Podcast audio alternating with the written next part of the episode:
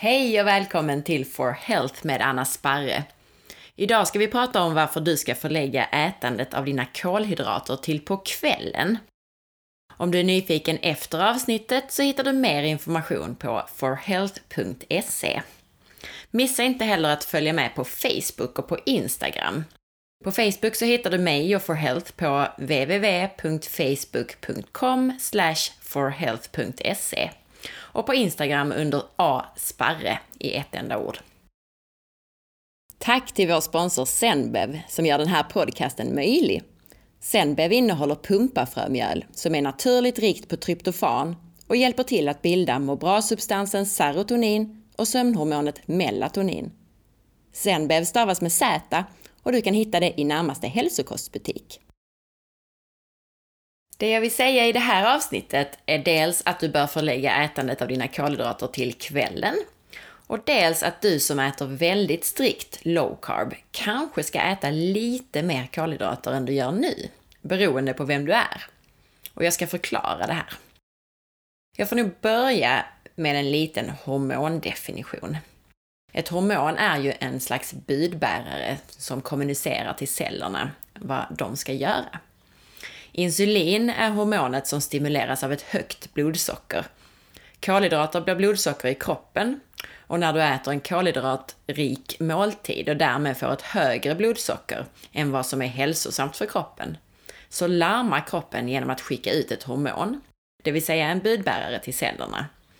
Och det här hormonet heter insulin. Insulinet är en signal till cellerna om att blodsockret är högt, vilket säger det finns fri energi Förbränn inte fettet i depåerna, utan lagra in. Det gör att näringsämnen kan lagras in.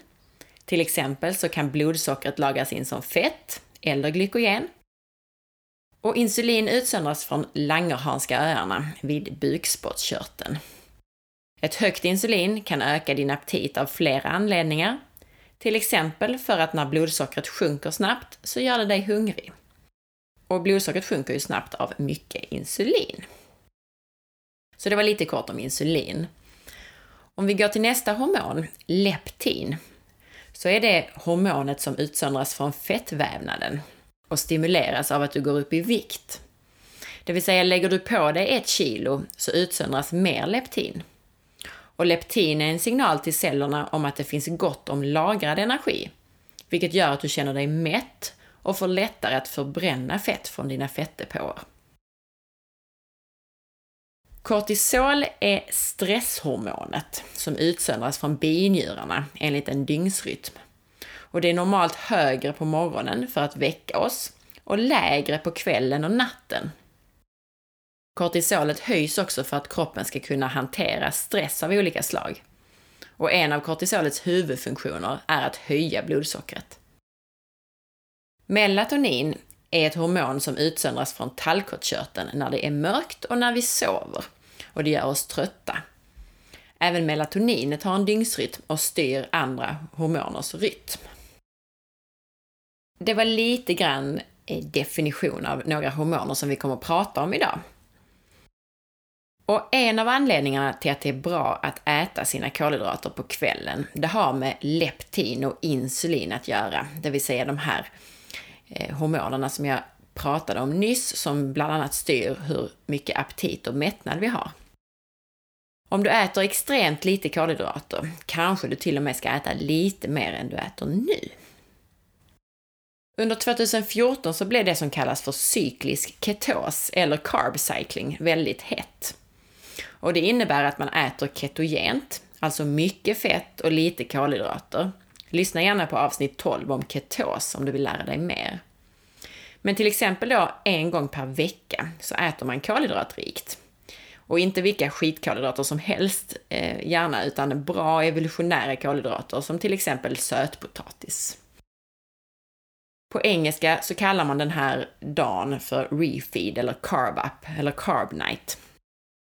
Den huvudsakliga anledningen till att det skulle vara bra att drämma till med lite mer carbs regelbundet, det är att det kan öka hormonkänsligheten.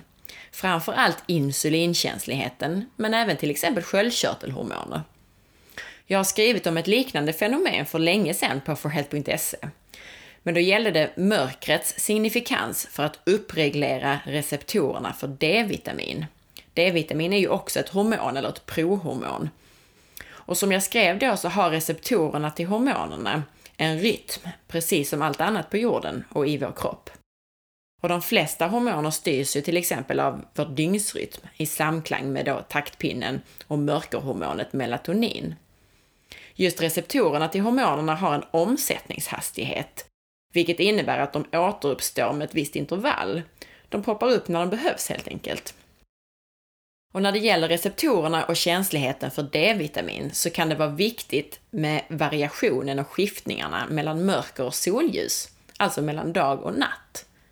På samma sätt så kan det då vara en fördel att leva cykliskt när det gäller ketos och blodsocker för att optimera insulinkänsligheten.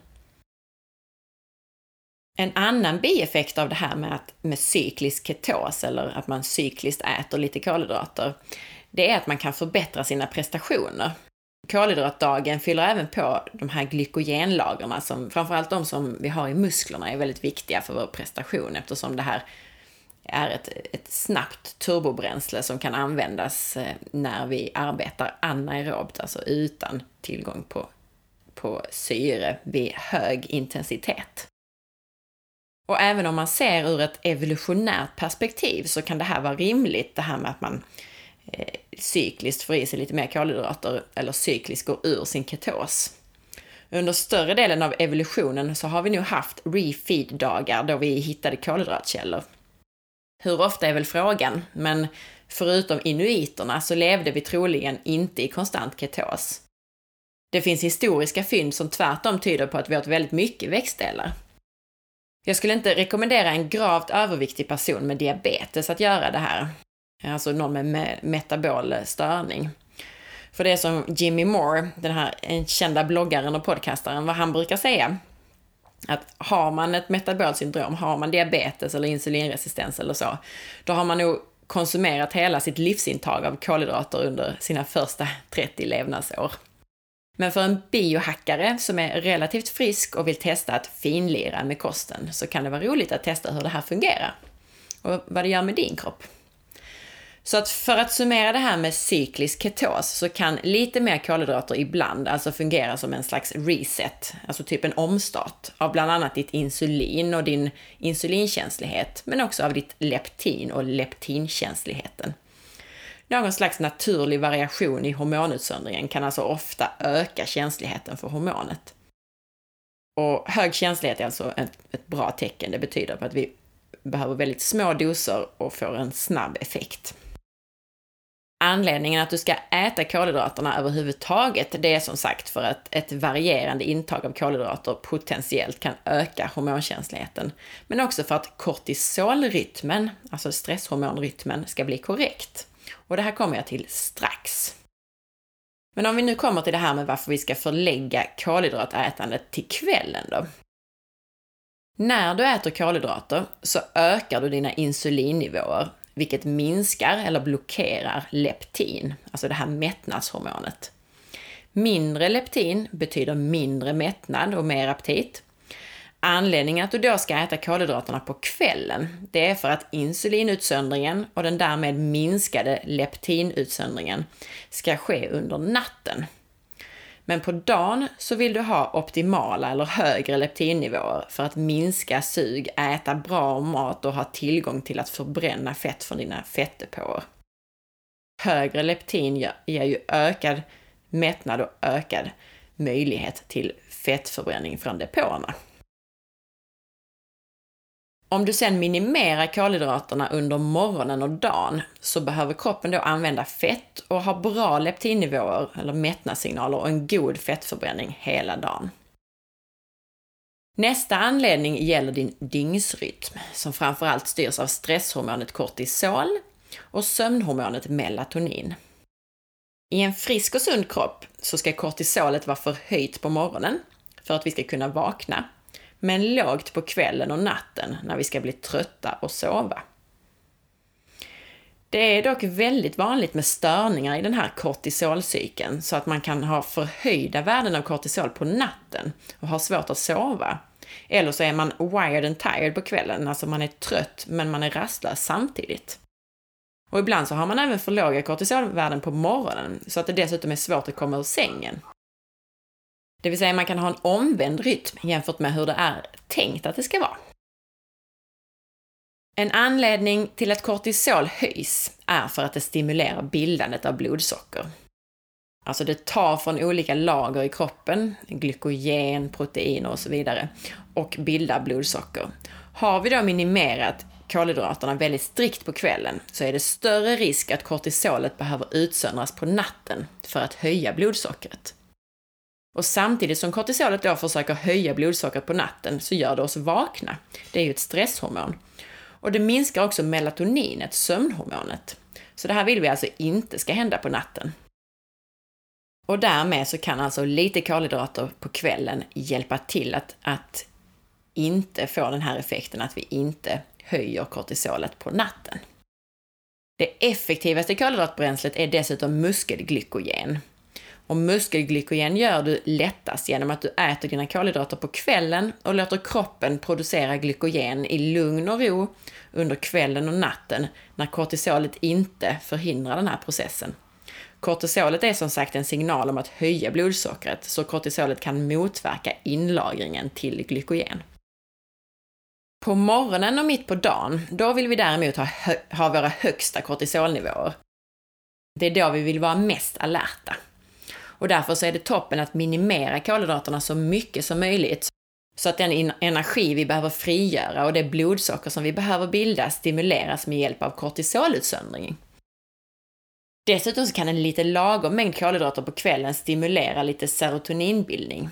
Serotonin är en feelgood-substans, alltså ett må bra, eh, en må bra-signalsubstans. Och serotoninet kan sen bli melatonin, sömnhormonet. För serotonin är faktiskt ett förstadium till melatonin. En liten parentes här bara, när det gäller det här med att äta kolhydrater på kvällen. Det är att om du äter mycket fett och redan har en hög fettförbränning så behövs överhuvudtaget mycket mindre blodsocker. Eftersom kroppen har lättare för att använda fett som bränsle både dag och natt.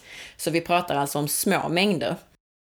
Men för att ytterligare förstärka argumentet att den som äter extremt lite kolhydrater kanske ska äta lite på kvällen ändå, så ska jag berätta vad en läkare har funnit.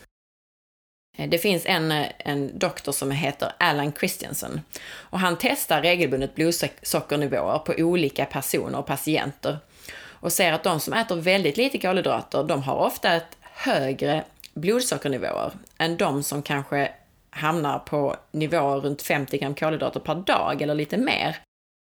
Alltså ett tecken på att de personer som nollar kolhydrater, eller minimerar dem till i alla fall till under 20 gram per, per dag, som är väldigt vanligt, de kanske har en högre stressrespons med ett högre kortisol och i slutändan kanske ett minst lika högt blodsocker, så den som äter något mer kolhydrater.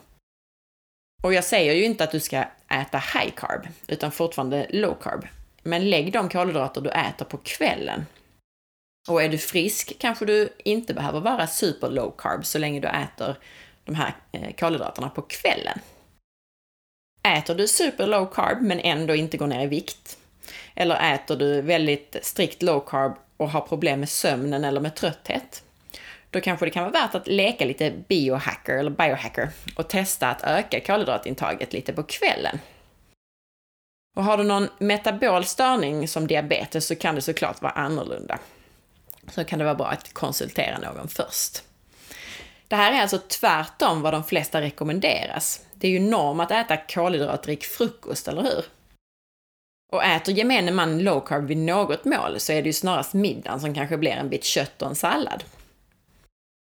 Spring nu inte iväg bara och köp en påse godis eller tryck i dig kanelbullar på kvällen.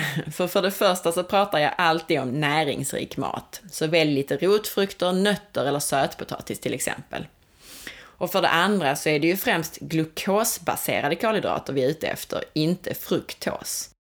Fruktos finns ju bland annat i juice och i vanligt vitt socker. Eh, de bästa glukoskällorna det är ju i lite mer Eh, eh, grönsaker kan man äta, men också i lite mer stärkelserik mat i så fall. Men jag vet att många som äter paleo, LCHF eller liknande fortfarande har svårt att överge tanken om att frukost inte är bröd eller liknande och därför stoppar i sig bröd gjort på mandelmjöl eller, eller någonting annat. Och är man inte sugen på riktig mat på morgonen så beror det nästan alltid på en av två anledningar. Antingen så är du inte hungrig. Hungrig är man när man är sugen på fisk och broccoli. Eller så har du svårt att smälta protein. Så testa att vänta med att äta tills du kan tänka dig riktig mat istället. Och det här med att förlägga kolhydraterna till kvällen skulle alltså kunna se ut som så att du äter någonting äggbaserat på morgonen, varför inte ägg och bacon? Gärna med extra fettkälla, alltså till exempel mycket smör och kanske avokado till.